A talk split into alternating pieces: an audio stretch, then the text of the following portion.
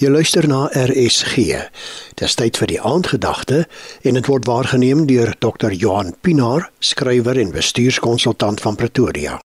Dis lekker om vanaand saam met jou te kuier en baie dankie dat jy ingeskakel gebly het.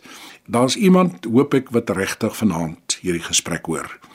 Die man waarvan ek praat, ek vertel jou die storie, tik my 'n paar jaar gelede op die skouer net voordat ek by 'n winkel instap. En toe ek omdraai sê hy: "Meneer, Jy het hierdie 10 rand by die ingang van die sentrum verloor. Hier, dit is joune. Ek het lank daarna nog daaraan gedink. Hy het soveel ander opsies gehad. As kinders het ons mos gesê find the keepers. Hy kon sê dis myne, ek het dit opgetel. Hy kon geredeneer het dat dit so min geld is dat ek dit nie sou mis nie.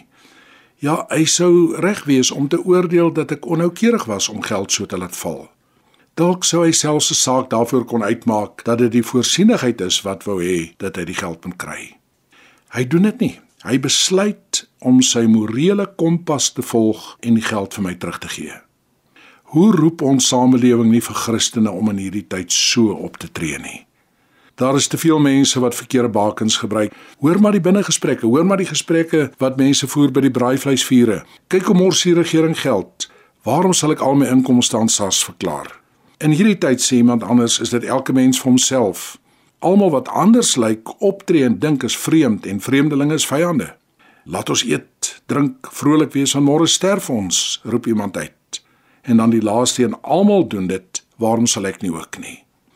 Wat is die kompasse wat ons in hierdie tyd moet gebruik en moet aanlê en wat daardie middag in die sentrum gebeur het? Matteus 5 vers 16 sê: Laat julle lig so voor die mense skyn dat hulle julle goeie werke kan sien en julle Vader wat in die hemel is verheerlik.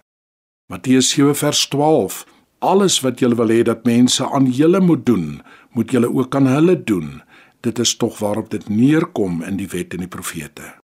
Ek weet nie watter een hy toegepas het nie, maar hierdie vreemdeling het vir my veel meer beteken as die 10 rand wat hy vir my teruggegee het. Wat 'n wonderlike geleenthede gaan ek en jy nie môre en die res van die week hê om sulke 10 rand preke te gaan preek nie. Sterkte daarmee en mag die Here jou seën. Goeienaand. Jy het geluister na die aandgedagte op RSG en is aangebied deur Dr. Johan Pinaar, skrywer en bestuurskonsultant van Pretoria.